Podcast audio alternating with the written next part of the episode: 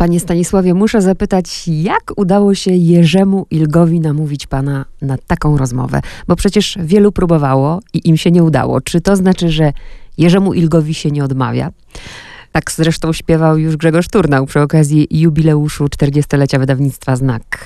Osaczył mnie pan Ilk Jerzy, żądając słowno-muzycznego dzieła okolicznościowego, bo jeśli nie, to mnie uderzy. Dodał, że tam już kilku leży, takich, co mu nie chcieli wierzyć. Bardzo się chce z przyzwyczajeń poprzednich, ale to jest niemożliwe. Rzeczywiście, ja nie wiem, jak on to robi, bo analizowałem mój przypadek.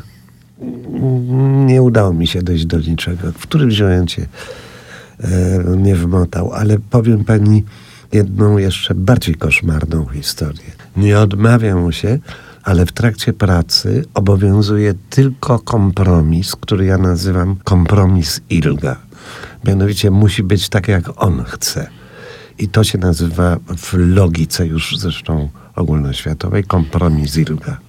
No bo dochodziło do takich sytuacji, kiedy nie mogliśmy się porozumieć. Coś miało wylecieć, albo miało zostać, albo miało zostać inaczej ujęte.